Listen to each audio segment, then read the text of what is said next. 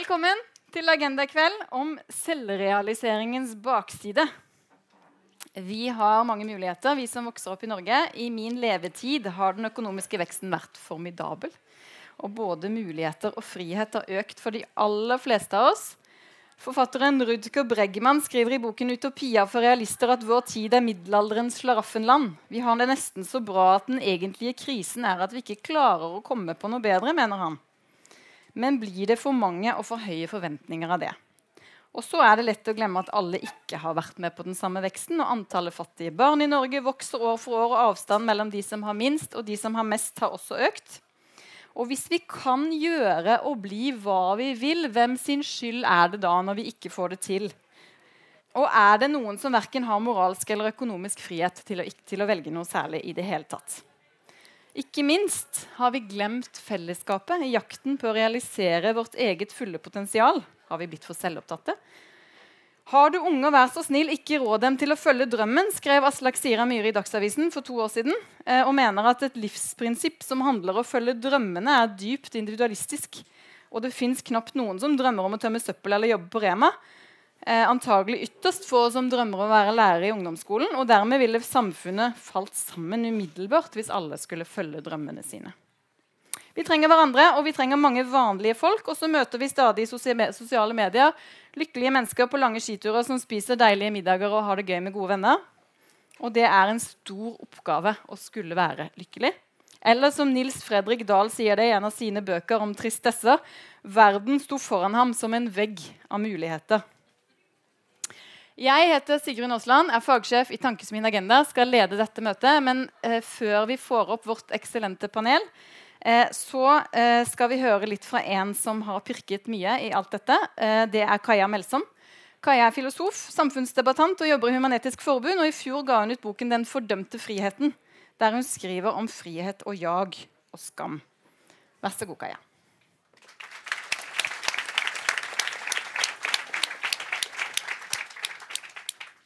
Tusen takk. Og så hyggelig å se at det er så mange som har kommet.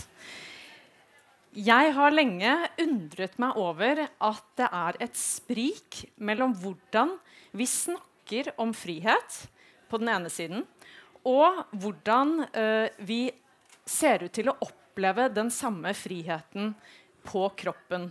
For vi snakker jo om friheten som det ypperste av alle goder. Mens når jeg leser avisen og snakker med venner uh, og ser meg rundt, så ser jeg noe annet. Uh, og jeg skal nevne noen av de paradoksene jeg da ser. For så har vi, vi nordmenn etter krigen så har vi redusert arbeidsdagen med en tredjedel. Uh, og vi har fylt opp hjemmene våre med elektriske og elektroniske hjelpemidler som skal frigjøre tid. Likevel, eh, og da skulle man jo tro at vi eh, slappet av og koste oss med all denne friheten. Men nei da. Vi er i tidsklemma, vi er stressa som aldri før, og vi går på veggen stadig. Det er et paradoks. Et annet paradoks finner vi på kjærlighetens område. Kjærligheten er også så fri som den aldri har vært. Eh, veldig få foreldre legger seg opp i eh, hvem eh, de unge velger av partnere. Og også her så har vi elektroniske hjelpemidler. Vi har sjekkeapper på mobilen. Sånn at utvalget av partnere har aldri vært større. Da skulle man jo tro, da, i tråd med det romantiske kjærlighetsidealet, at kjærligheten blomstret. Men fortsatt så går eh, alle, halvparten av alle ekteskap uh, i oppløsning, og stadig flere lever alene. Et annet paradoks det er knyttet til uh, vår hyllest til mangfold og pluralisme. Vi oppfordrer hverandre og vi oppfordrer dagens unge til å våge å være seg selv, eh, våge å leve ut sine særegenheter, eh, og til å stole på seg selv, lytte på, til seg selv og leve ut eh, hva det nå måtte være. Da skulle man jo tro at dagens unge var fulle av selvtillit og integritet. Men nei da. Det vi ser, er at eh, nesten ukentlig så kommer det en rapport som viser at den psykiske helsa til dagens unge eh, ser, går, går, nedover. Eh, jeg tror Den siste rapporten som jeg kom over, sa at eh, på fem år så har eh, andelen eh, unge jenter med psykiske helseplager økt med 40% tror jeg. Og, og, dette er typiske skamlidelser, angst og depresjon. Og det er et paradoks når vi da lever i en tid som, uh, som, som oppfordrer oss til ikke å skamme oss, men å være oss selv. Så det spørsmålet jeg stiller i denne boken som kom ut i våres, 'Den fordømte friheten', det er hvorfor greier vi ikke å nyte den friheten som tidligere generasjoner har ofret både blod og svette for å skaffe oss? Er det noe vi har misforstått, eller er ikke friheten noe å trakte etter likevel? Og Mitt svar er at uh, det er egentlig ikke noe galt med mulighetene og friheten. Vi er heldige som har både frihet og muligheter. Uh, men dagens frihetsideal er det noe alvorlig galt med. Og hva er dagens frihetsideal? For oss på toppen av Maslows behovspyramide, som har, vi har dekket de fleste grunnleggende behov, i hvert fall de fleste av oss her i Norge, uh, for oss så handler frihet stort sett om selvrealisering. Overalt, uansett hvor vi snur oss uh, og vender oss i dagens samfunn, om vi leser aviser, ser på TV, uh, leser selvhjelpsbøker eller snakker med venner Dette frihetsidealet ligger jo i selve språket, i folkepsykologien, i dagligtalen. Så blir vi fortalt at den som lytter til sin indre stemme, den som våger å gå mot strømmen og realisere sine drømmer, denne personen vil bli belønnet med dagens sekulære frelse, som er et lykkelig liv. Før i tiden så skulle man slite seg gjennom livet og bite tenna sammen, og så kunne man håpe på frelse i efterlivet. I dag så skal vi ha den her og nå. Lykke her og nå. Det fortjener vi fordi vi er så heldige å bli født i verdens beste og lykkeligste og rikeste land. Og mitt oppgjør med dette idealet er at jeg mener vi har fokusert så mye og så ensidig på personlig selvrealisering at stadig flere opplever det som et krav, som et bør, for ikke å si et må. Eh, og det er jo også et paradoks. At det som skulle være frihet, frihet til å realisere seg selv, i dag oppleves som et tyranni, som noe man eh, må streve etter å, eh, etter å realisere for ikke å skuffe omgivelsene og deg selv. Så kan man jo si ja, men er det ikke bra med selvrealisering da? Er det ikke bare bra at vi alle strekker oss etter å leve ut uh, vårt fulle potensial og blomstre som mennesker? Uh, jo, det kan man si, men, um, men det kan bli for mye av det gode, og det mener jeg det absolutt er blitt. Fordi vi har fokusert så mye på selvrealisering at mange i dag opplever uh, et press om å skulle være unike, om å skulle leve lidenskapelig og om å skulle være lykkelige. Uh, og jeg tror ikke at Eller jeg mener at det å strekke seg etter å skulle være unik, leve så lidenskapelig som mulig, eller være mest mulig lykkelig, uh, det gjør oss ikke tilfredse og lykkelige. Tvert imot så mener jeg at disse kravene er både udemokratiske og kontraproduktive. La oss se på dette med å være unik det, det, sier seg selv, det ligger i sakens natur at det er udemokratisk. Bare noen få, ja kanskje bare én, kan være unik. Hvis alle dere er unike, så er det unike blitt middelmådig. Ikke sant? Så, så her er det dette er en, uh, Det er bare noen ytterst få som kan realisere dette idealet. Uh, og det er også kontraproduktivt på to måter. På den, på den, ene måten, De som streber mest etter å være unike, er gjerne de som ligner mest på hverandre. Se på hipsterkulturen. Hipsterne ser like ut uansett hvilken storby du beveger deg til. Uh, og samtidig så er det de som snakker høyest om at de er imot uh, konsumkulturen, og at de ønsker det som er autentisk og ekte. og det kan vi le av. Men eh, det sier også noe veldig sant om menneskenaturen, nemlig det at vi er flokkdyr.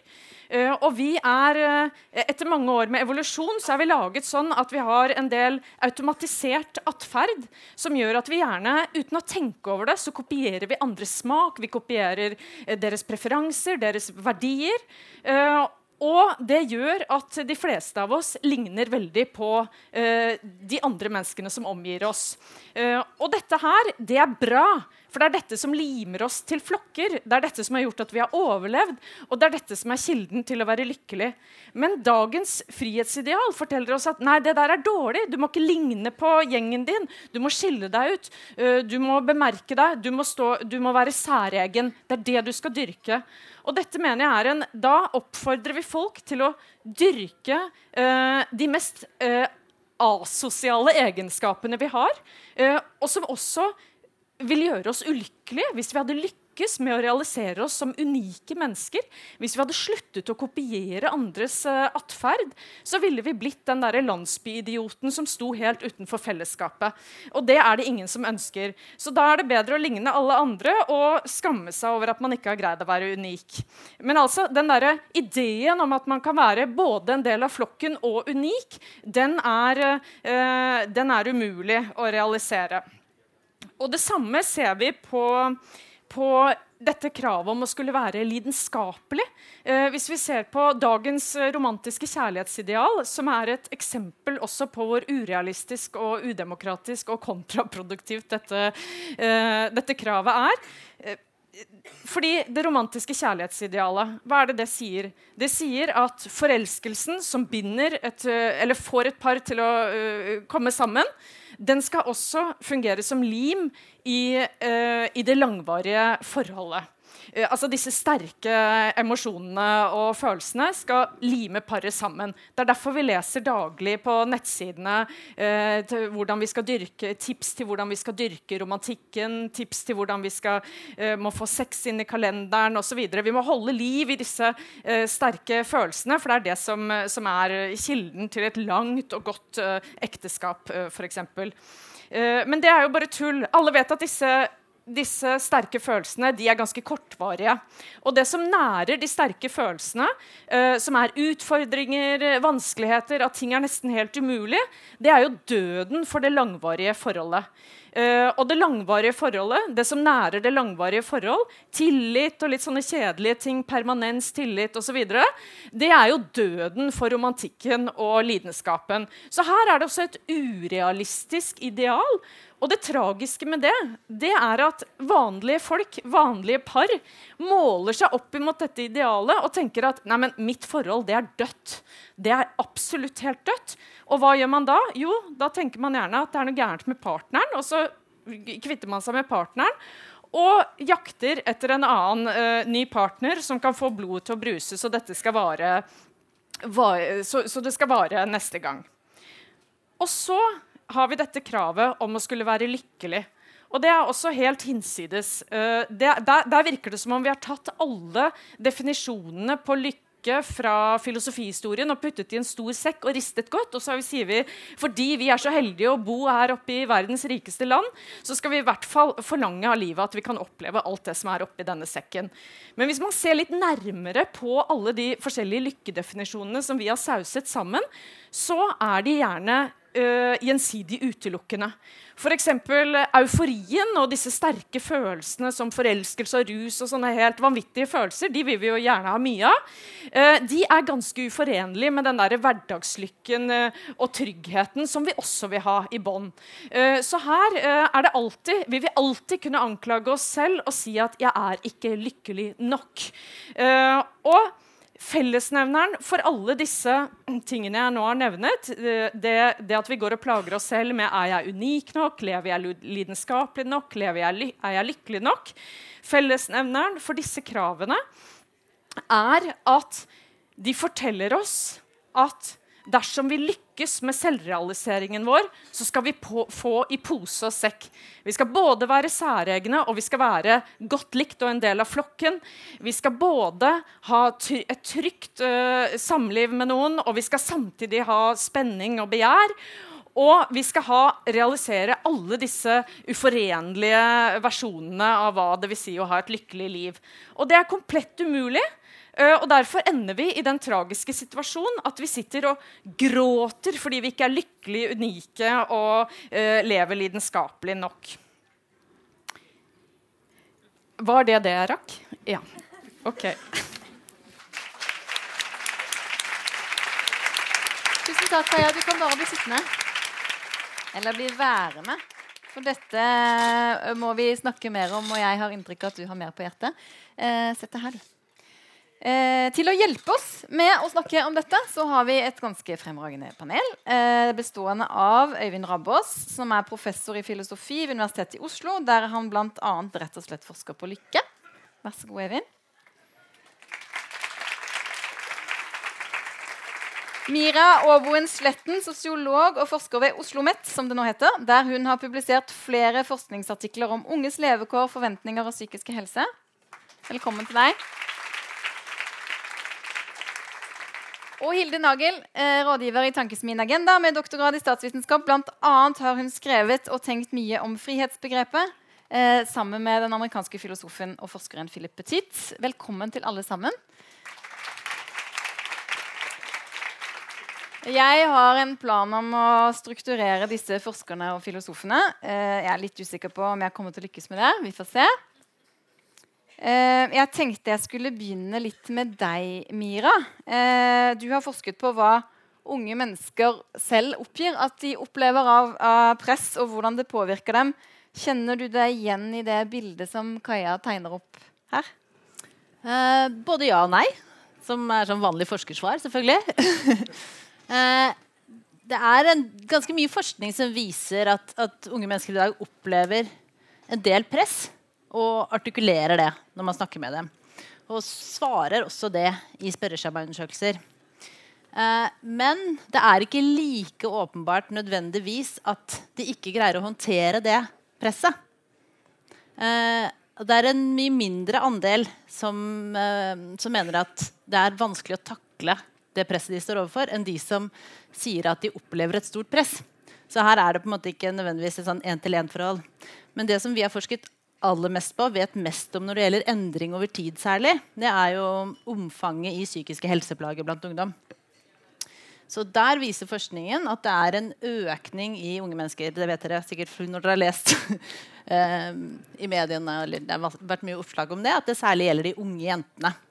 Eh, men så er jo det vært knytta til en sånn forestilling om at det har skjedd noe at samfunnet har endra seg på en måte i retning av økende individualisering som, som gjør at um, unge mennesker Altså deres um, tilhørighet og identitet og, og, følelse av at de er noe i verden, er mer knytta til hva de presterer som individ, enn de, hvilken sånn sosial sammenheng de tilhører. Som familien, eller klassen, eller kjønn eller nærmiljøet. på en måte. Så det er jo på en måte her forskningen møter litt uh, Kaja sin bok, tenker jeg. Eh, men at forskningen kan liksom gi et svar på at det faktisk er sånn empirisk, det eh, kan nødvendigvis ikke. Men der kan jeg utdype mer senere eventuelt.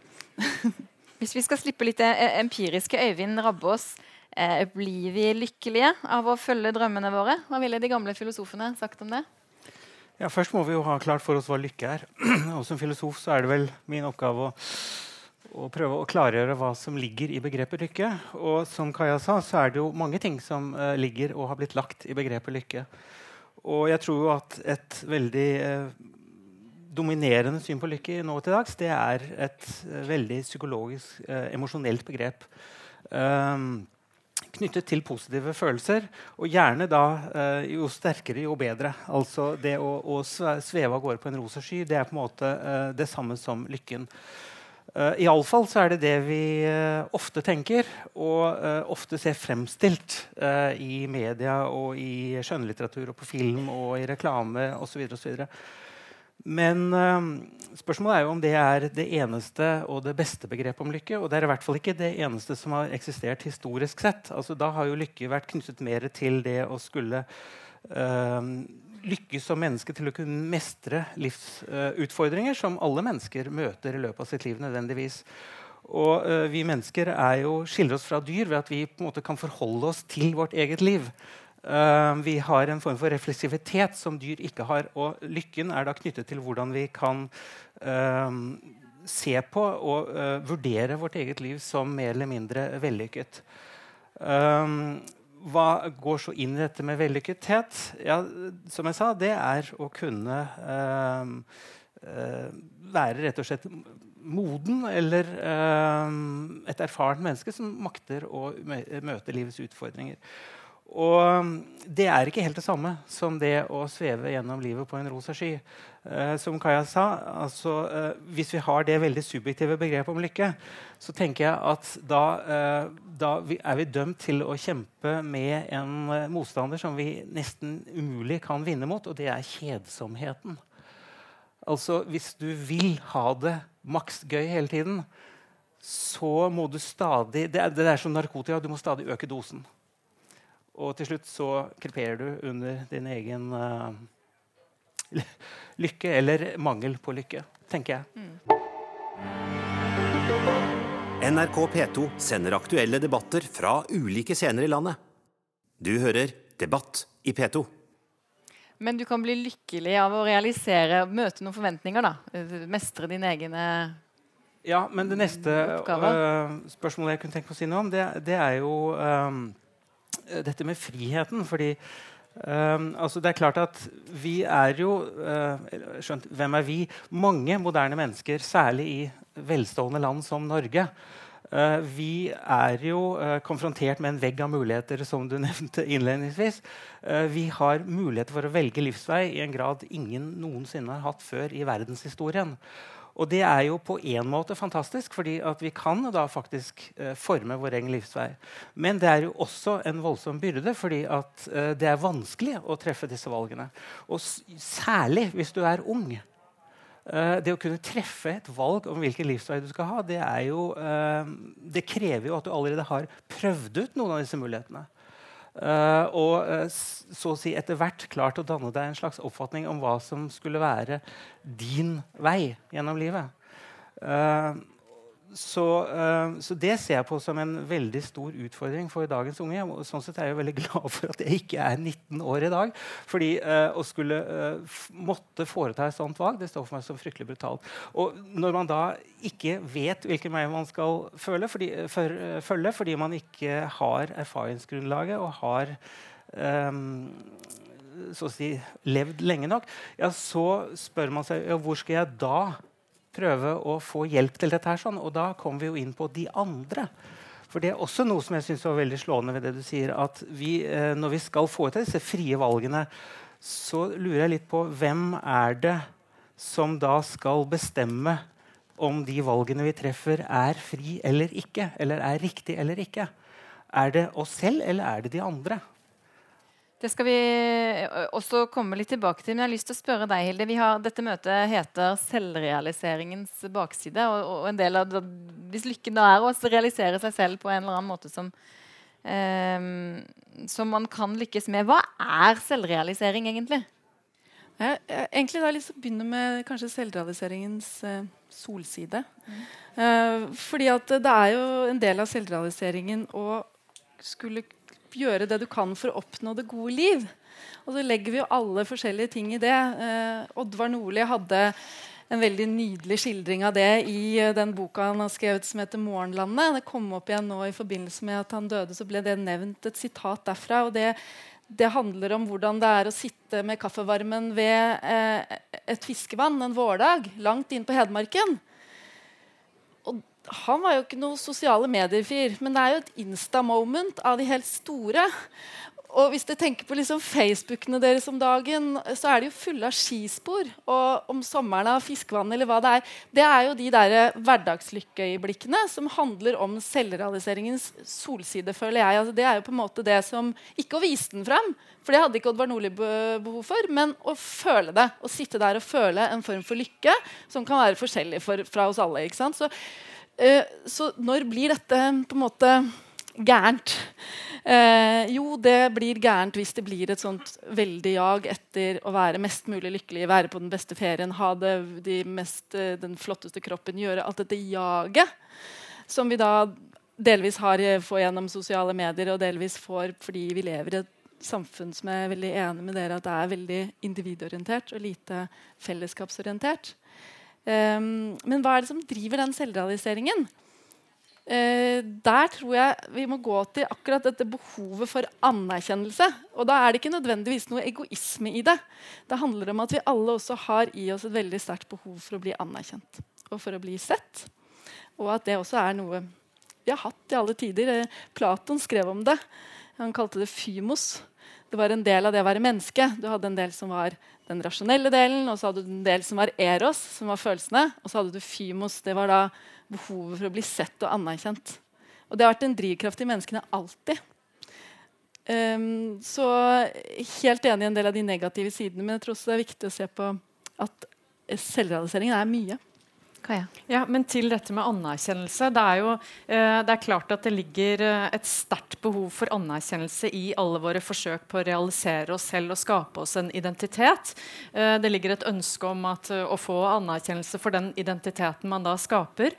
Men det er jo nettopp derfor det blir så tragisk når idealene for hvem vi skal være, er er så urealistisk at det bare er noen ytterst få. De som, eh, de som er på Idol eller altså, Skru på TV-en. Det var Nina Witoszek som sa det. Uansett hvilken tid på døgnet du skrur på TV-en, så er det et talentprogram der. Vi, vi, dyrker enerne. Vi dyrker de som er særegne, spesielle, står fram. Uh, og hvis det er det som må til for å få anerkjennelse, uh, så er jo det tragisk for uh, hverdagsmennesket. da. Mm. Øyvind, ville du ja, kommentere? Det er paradoksalt, det der med anerkjennelse. og det er jo helt riktig som du sier, Hilde, at eh, For Platon så er det et av de tre grunnleggende motivene som uh, driver oss mennesker. Og Aristoteles og de andre antikke tenkerne er jo helt enige om det. Men det som er paradoksalt med dette behovet for anerkjennelse, det er jo um, at det, um, det, er på den ene siden et behov for å få bekreftelse fra andre på å høre med i et fellesskap. Men på den annen side, hvis dette behovet for anerkjennelse fører til at vi eh, skal skille oss ut mm. og bli nær sagt asosiale, eller bli, he, heve oss over de andre, så blir det på en måte eh, ja, Det blir et paradoks, eller det blir kontradiktorisk. rett og slett. Altså, det er i prinsippet umulig å, å, tilfredsstille det. Fordi, fordi, det ene beveger deg innover mot fellesskapet, og det andre hever deg ut, over det.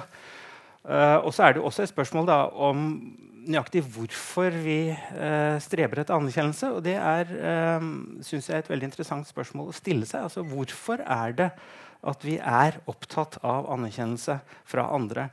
Og jeg tror det er et sammensatt svar på det. Det ene er uh, det psykologen kaller bekreftelse. Altså at vi rett og slett trenger å få andre andres ord så å si, på at vi er noe verdt.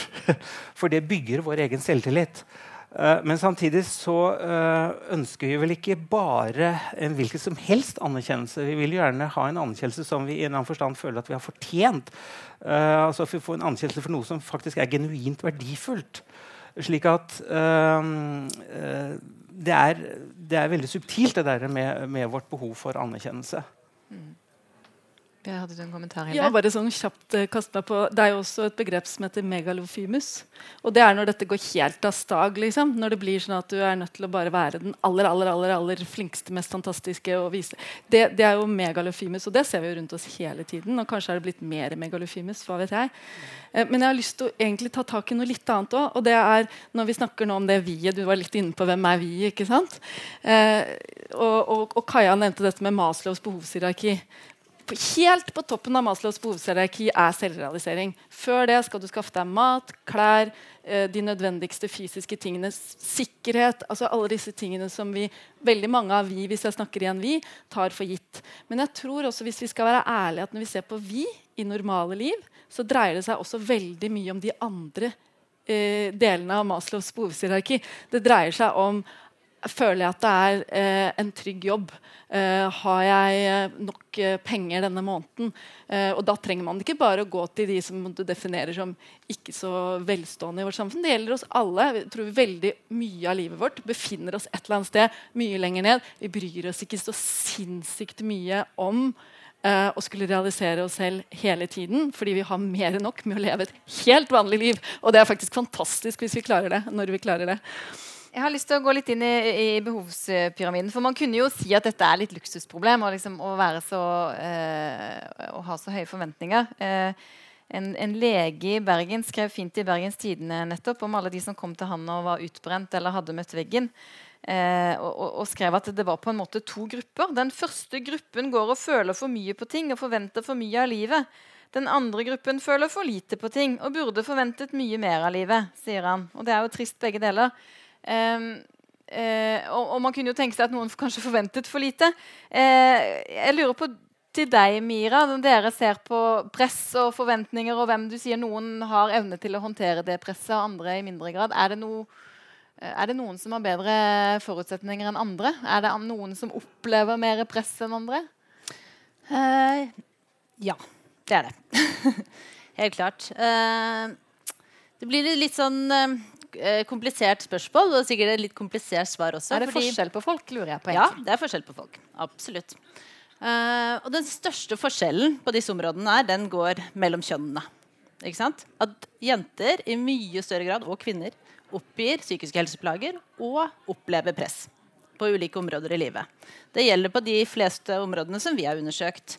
Uh, særlig tydelig i skole, særlig tydelig også i forhold til kropp og utseende. Uh, og så, mm, Det er helt åpenbart. Men så er det også interessant det du, altså den legen som du refererte til eh, trekker opp et sånn viktig dilemma fordi at eh, mye av debatten når vi snakker om det her, den handler jo om Dere kjenner til det begrepet generasjon prestasjon. Man får et inntrykk av at det er en sånn gruppe eh, litt sånn høyt presterende, særlig jenter, som har alle muligheter til å re realisere seg selv, men som bukker under på en måte, i kravet etter å prestere på mange områder samtidig. Og da er det på en måte ikke, De, de er liksom litt på toppen av samfunnshierarkiet. på en måte, ikke sant? Den fortellingen. Men så har du på en måte egentlig den andre fortellingen, som uh, også har sin, uh, sitt belegg i data. Som viser at de som i størst grad opplever psykiske helseplager blant unge mennesker, både jenter og gutter, det er de som har en opphopning av andre problemer i livet sitt. Kanskje ikke de som er presterer best på skolen. Eh, de som har problemer med foreldre, hjemlig eh, ressursfattigdom, mobbing osv. Så, så, så de store strukturene her de går jo der. Det er de som skaper de store skillelinjene mellom de som sliter, og de som ikke gjør det.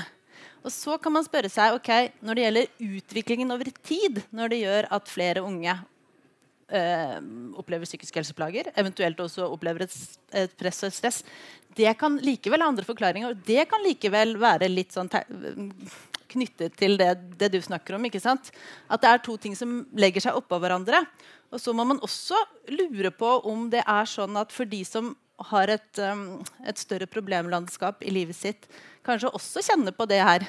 ikke sant? Presset om å prestere, at det blir ekstra ille da, når de speiler seg i en sånn større vellykkethet. da, ikke sant?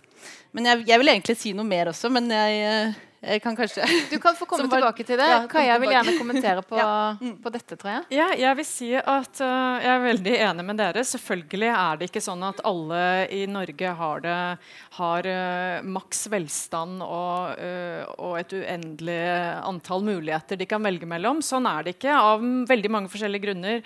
Økonomiske, genetiske osv. Uh, og selvfølgelig hvor man kommer fra, hvor man, hvordan man er vokst opp osv. Uh, mange har har alvorlige problemer, som du sier. Men for, disse, for alle disse tenker jeg det er ekstra tragisk at vi holder oss med en kultur som snakker som om vi alle lever i eh, et hav av muligheter og kan velge vår egen identitet og vårt eget liv fra scratch. Fordi eh, mange av de problemene som ikke er deres egen skyld, blir opplevd da som om det er deres skyld. Som om uh, altså fordi vi, vi, vi, kaster Fordi vi fremstiller det som om alle individer kan velge fra øverste hylle, så blir ethvert uh, psykologisk eller andre problem oppfattet som at det er individet selv som har valgt disse problemene, eller ikke evnet å, uh, å gjøre motstand om til en styrke, eller smile til verden når den,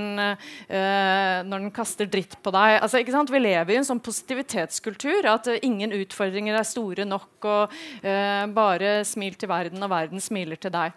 Men, uh, men dette, dette skygger over sosiale forskjeller og uh, andre forskjeller. Og, uh, og gjør, uh, skaper veldig mye skam. Og da kanskje aller verst for de som sliter mest, tenker jeg. For det er din egen skyld da, hvis du ikke lykkes? eller?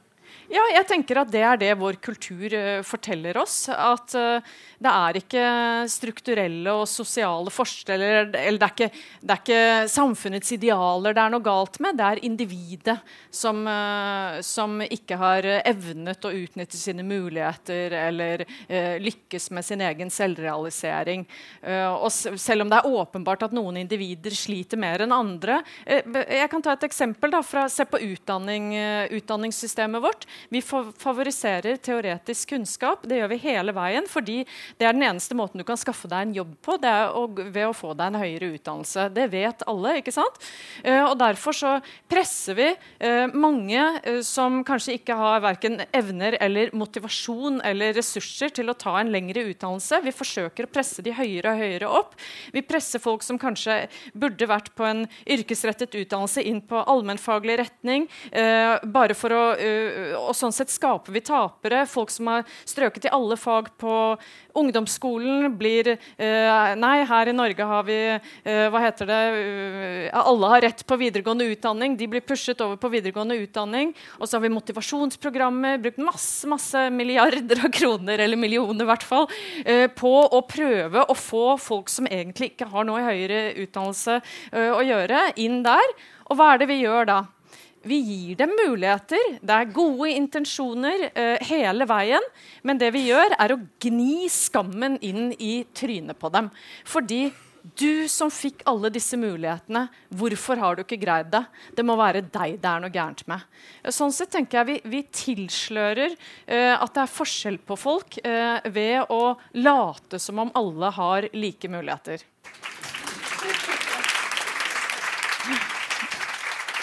Har vi glemt de strukturelle barrierene? Ja, ja, nei, jeg er veldig enig i det du sier. og jeg, jeg, Det er jo for veldig mange også en mur av barrierer så, og hindringer. Så, og det er det jo i livene til folk. Og jeg tror kanskje vi har, vi har Du har snakket om tidligere disse selvhjelpsbøkene. Eh, vi har fått noen reaksjoner også. ikke sant? Vi begynner å se at det er en del som er sånn drittlei. Og så har jeg fanget opp Jeg er ikke psykolog og har ikke spesielt peiling på dette, men jeg har sett at det har vært en god del eh, bøker som har kommet til det siste som har tatt veldig sånn aktivt avstand fra de selvhjelpsbøkene. Og som, her i Norge så er det vel eh, Ole Jakob Madsen som er kjent, og det er i, i, i Danmark eh, Sven Brinkmann ikke sant? Som, sier, som er så motsatt sånn Stå imot, si nei, eh, ta på nei-hatten. Men, men, det som fascinerer meg litt da, som statsviter, eh, og for så vidt litt sånn liksom filosof, men opptatt av samfunn og fellesskap, er jo at det er ingen av disse som på en måte har løsninger som dreier seg om hvordan vi skal bli mer fellesskapsorienterte.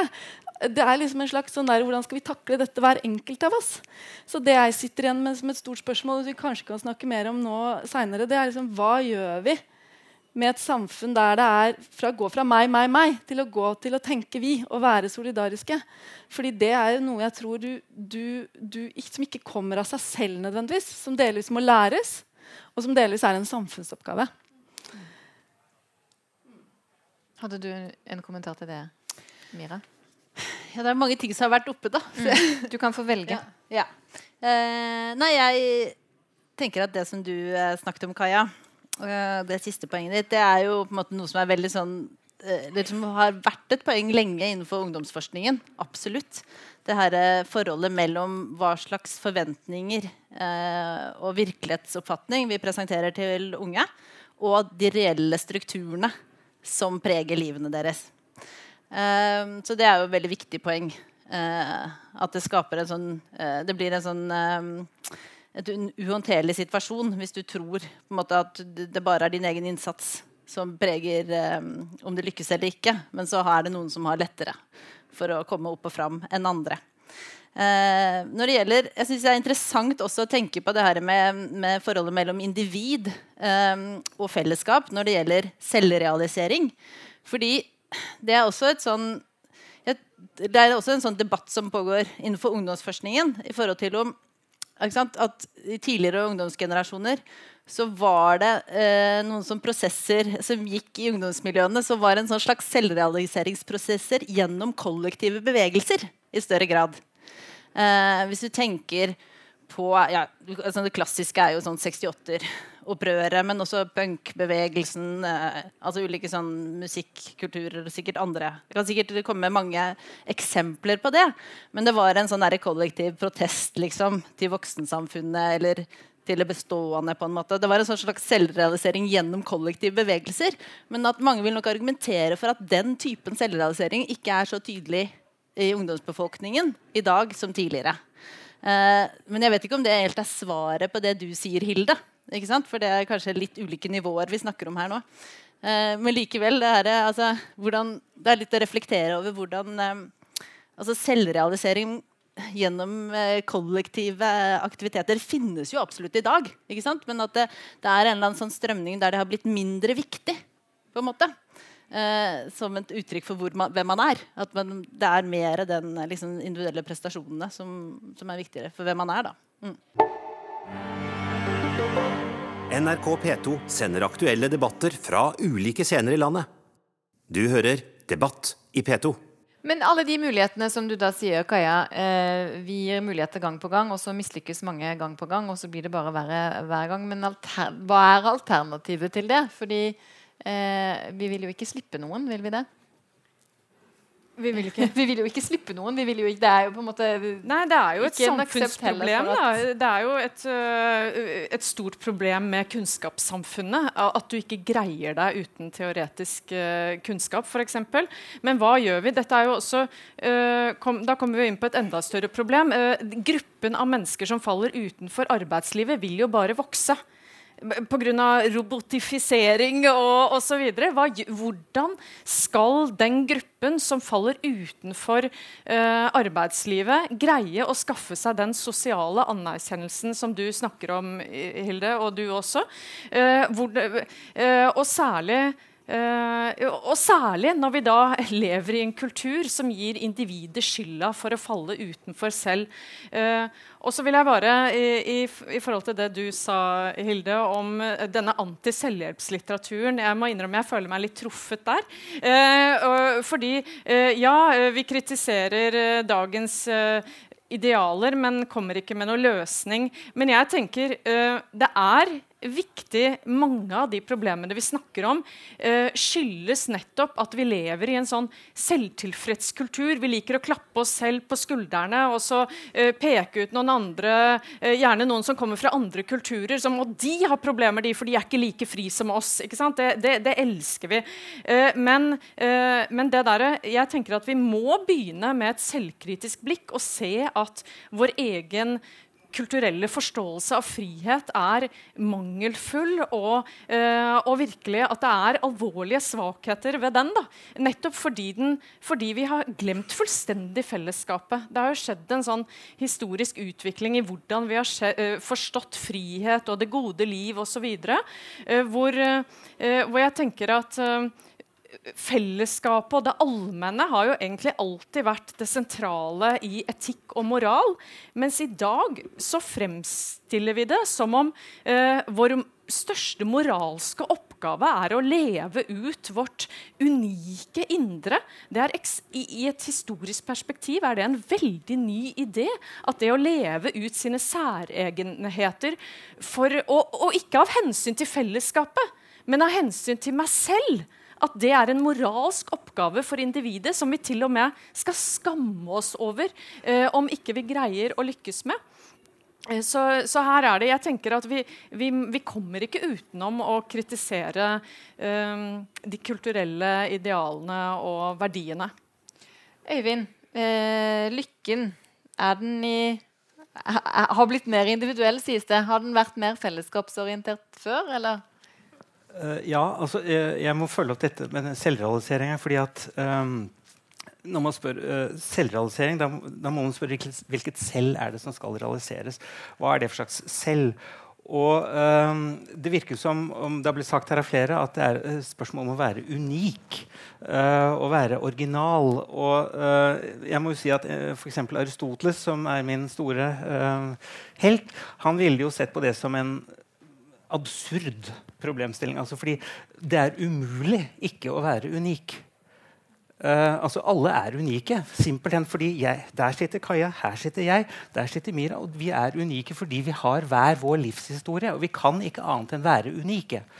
Men det vi derimot kan gjøre, det er selvfølgelig å på overflaten skille oss ut. Vi kan fremstå som forskjellige fra andre for et publikum.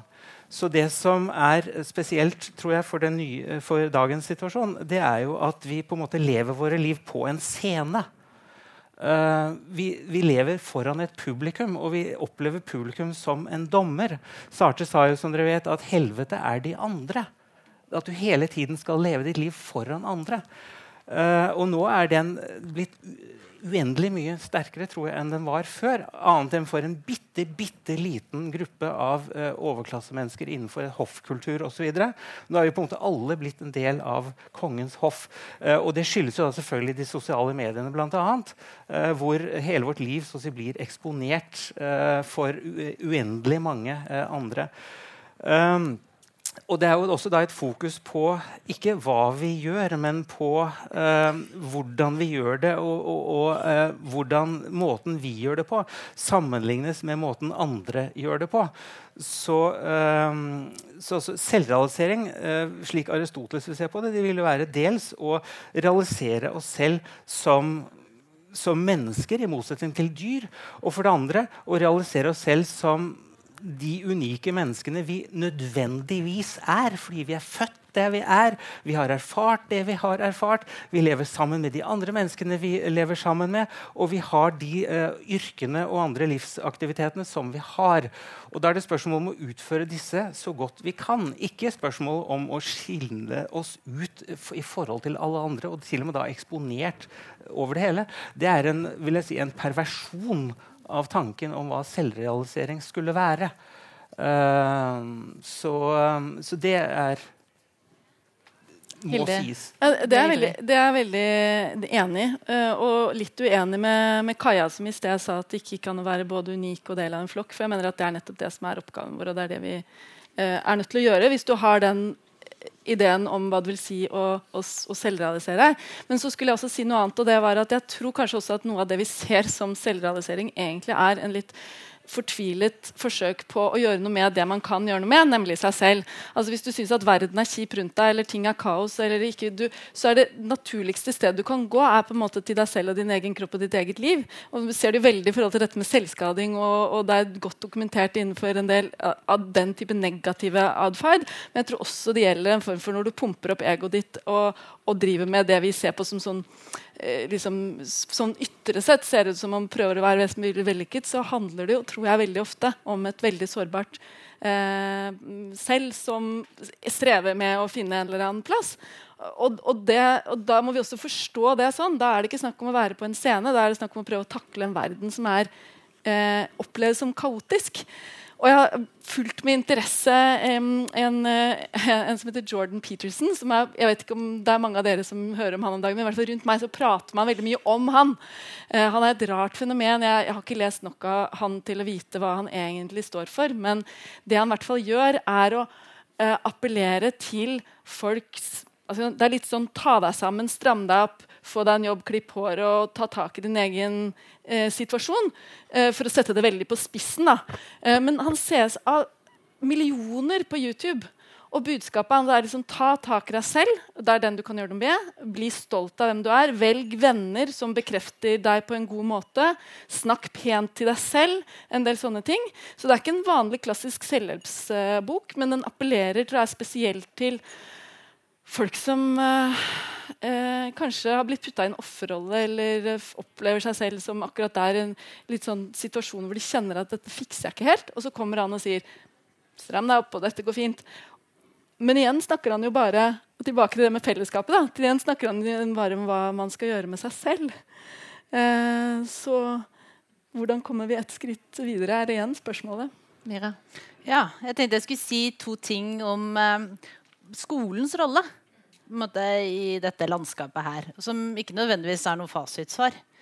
Men det er eh, et, en ting, eller et sånn ja, kanskje paradoks, på en måte, i skolen eh, som handler om at vi eh, Det gjøres en veldig stor innsats for å avdekke tidlig problemer i skoleløpet, allerede i barnehagen.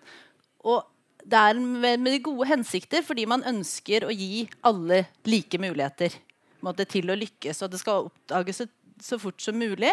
Og så skal man liksom inn i den samme, samme malen på en måte, og få liksom hjelp til å, å, å, nå det høyeste nivået. Det tangerer jo litt det du sa, Kaja, med at alle skal gjennom videregående opplæring. Eh, samtidig så blir det et eller annet misforhold fordi at vi med en sånn god hensikt og de, de aktivitetene rundt det ikke gir rom for individet. Ikke sant? Altså det er en sånn fellesskapstankegang som samtidig ikke gir rom for um, individuelle variasjoner innenfor enhetsskolen, da, eller fellesskolen, der alle skal opp og, og, følge det samme løpet. Så det tror jeg er en veldig viktig oppgave for skolen på ulike måter. Å gi barn og unge lov til å ikke passe inn i idealet. Og hvordan man løser det uten at man kanskje oppnår litt eller liksom det du er redd for. At man, at man må jo måte, ha ambisjoner på vegne av barn og unge. Og man må tro på at de kan lykkes. Og man må også, det som er for I barnevernsforskningen så har man kritisert det at man har mindre, eller lavere forventninger til barnevernsbarn når det gjelder utdanning og skole, enn til andre barn og unge. Det er også veldig sånn uheldig hvis det ikke nok det ikke er tilstrekkelige forventninger til noen, noen, grupper. At man tenker nei, du kan nok ikke lykkes med det. Eller at man tenker nei, du er nok ikke en som passer til det. Måte, så, så her er det en sånn balansegang som man må notere på en god måte. Uh, og, og, det er det som jeg hører også fra, um, fra unge som har erfaring med psykiske problemer. At noe, noe de har problemer med i skolen, er det der at, at um, det er ikke noe rom for å på en måte, ikke passe inn i det opplegget som fins i skolen. Hvis du tenker deg en skolegård, så skal alle ut i skolegården, være ute sammen i friminuttet. Det er ikke noe rom for å finne og gå på et Det er sikkert noen skoler som har det sånn, med bedre eh, ordninger og har løst dette her på bedre måter, men det er mye sånn at alle skal ut i den samme skolegården og delta i den samme leken. Det er ikke noe rom for at ok, du, du syns ikke det er så lett. Kan du kanskje være, for, være på datarom og spille litt spill sammen med noen andre? Eller, eller gjøre noe, ha en oppgave sammen på, på skolekjøkkenet? Altså, det er liksom, Alle skal i den samme malen hele tiden. Så, så det, er ikke, det, er ikke, rom for å ikke være sosiale eller ikke fikse det sosiale. Ja, det, er, det, er, litt sånn budskapet der. Eh, og så var det et annet poeng jeg hadde. og det at også eh, I forhold til skolen og i forhold til dette her med, eh, med hvordan vi løser det. og Det er, det er koblet til eh, denne debatten som gjelder mm, ja, oppropet om boken som manglet i skolen. At man må lære mer om å håndtere sin egen psykisk helse i skolen. At det mangler på en måte et pensum når det gjelder psykisk helse. Og det er det livsmestringsfaget i skolen osv. Uh, eh, og der er det også en litt sånn en utfordring og et dilemma i dette her med at sant, det kan oppstå et problem når vi fortsetter den innsatsen vår for å håndtere uh, økende psykiske helseplager med å lære opp barn og unge til å mestre sin egen psykiske helse. Da fokuserer vi liksom stadig vekk på individet og dets egen liksom, både prestasjoner og mestring av helsen. Det er mye som er bra med det, men vi må også måte, ha et blikk for at løsningen kanskje også er å vende blikket vekk fra individet. Liksom, og fokusere på andre typer eh, aktiviteter eh, enn å analysere seg selv. At altså, individet og dens egne følelser egentlig får mindre oppmerksomhet. Altså, det her må balanseres i skolen. på en måte. På den ene siden så selvfølgelig er det viktig å kunne altså, Den typen mestring av livet som du refererer til, er også viktig kunnskap. Men det er liksom å balanseres mot aktiviteter som der det legges rette til fellesskap, som gjør at måte, kanskje ikke disse problemene oppstår. da, i like stor grad. Ja. Har vi lagd noen problemer ikke med å få alle til å kjenne så godt etter hele tiden? Om, om vi har noen psykiske problemer? Hilde? Men jeg, jeg ble bare nysgjerrig. Kan det handle om også at vi kanskje ikke ser eh, barns følelser og møter barns følelser på den måten som vi trenger å gjøre også, ved å ha disse på en måte Alle skal ut på samme tid, og alle skal altså, Jeg bare tenker, tenker Hvis tilbake til Fumos, da. Klareste eksempelet jeg så på god fumos, holdt jeg på å si, altså det å virkelig anerkjenne noen, det var Deya Khan sin dokumentar nå, som har gått på, på, NRK. Jeg håper mange har sett den. De som ikke har sett den, må se den.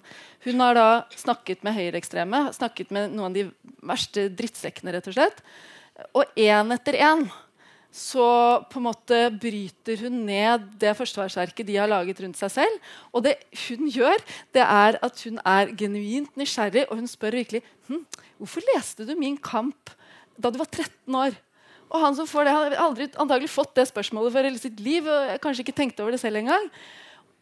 Er det noe vi kan lære av den måten å møte mennesker på, og barn på, ikke minst i skolen også, hvor vi møter følelsene og opplevelsen det barnet har, som det barnet, og ikke på en måte med pekefinger og moral og sier du skal eller du skal ikke, men virkelig, for å si det banalt, da, ser eh, hvert enkelt barn. Og Det tror jeg er et ideal for veldig mange som jobber i skolen. veldig mange lærere. Det er som å høre veldig mange lærere hvis du snakker med dem. At det, det er idealet. Så, så, det tror jeg ikke er jeg tror ikke det er det som er problemet, at ikke, at ikke man ønsker det på en eller annen måte. Men, men jeg, tror, jeg, jeg, er mer opptatt av akkurat den der fleksibiliteten i skolen. At den, det, er, det er litt rigid, og det, det, har sine historiske grunner. Men, men, det er noe der som vi må løse, tror jeg. Mm. Vi må runde av der. Tusen takk til uh, hele panelet. Uh, takk til alle som kom og hørte på.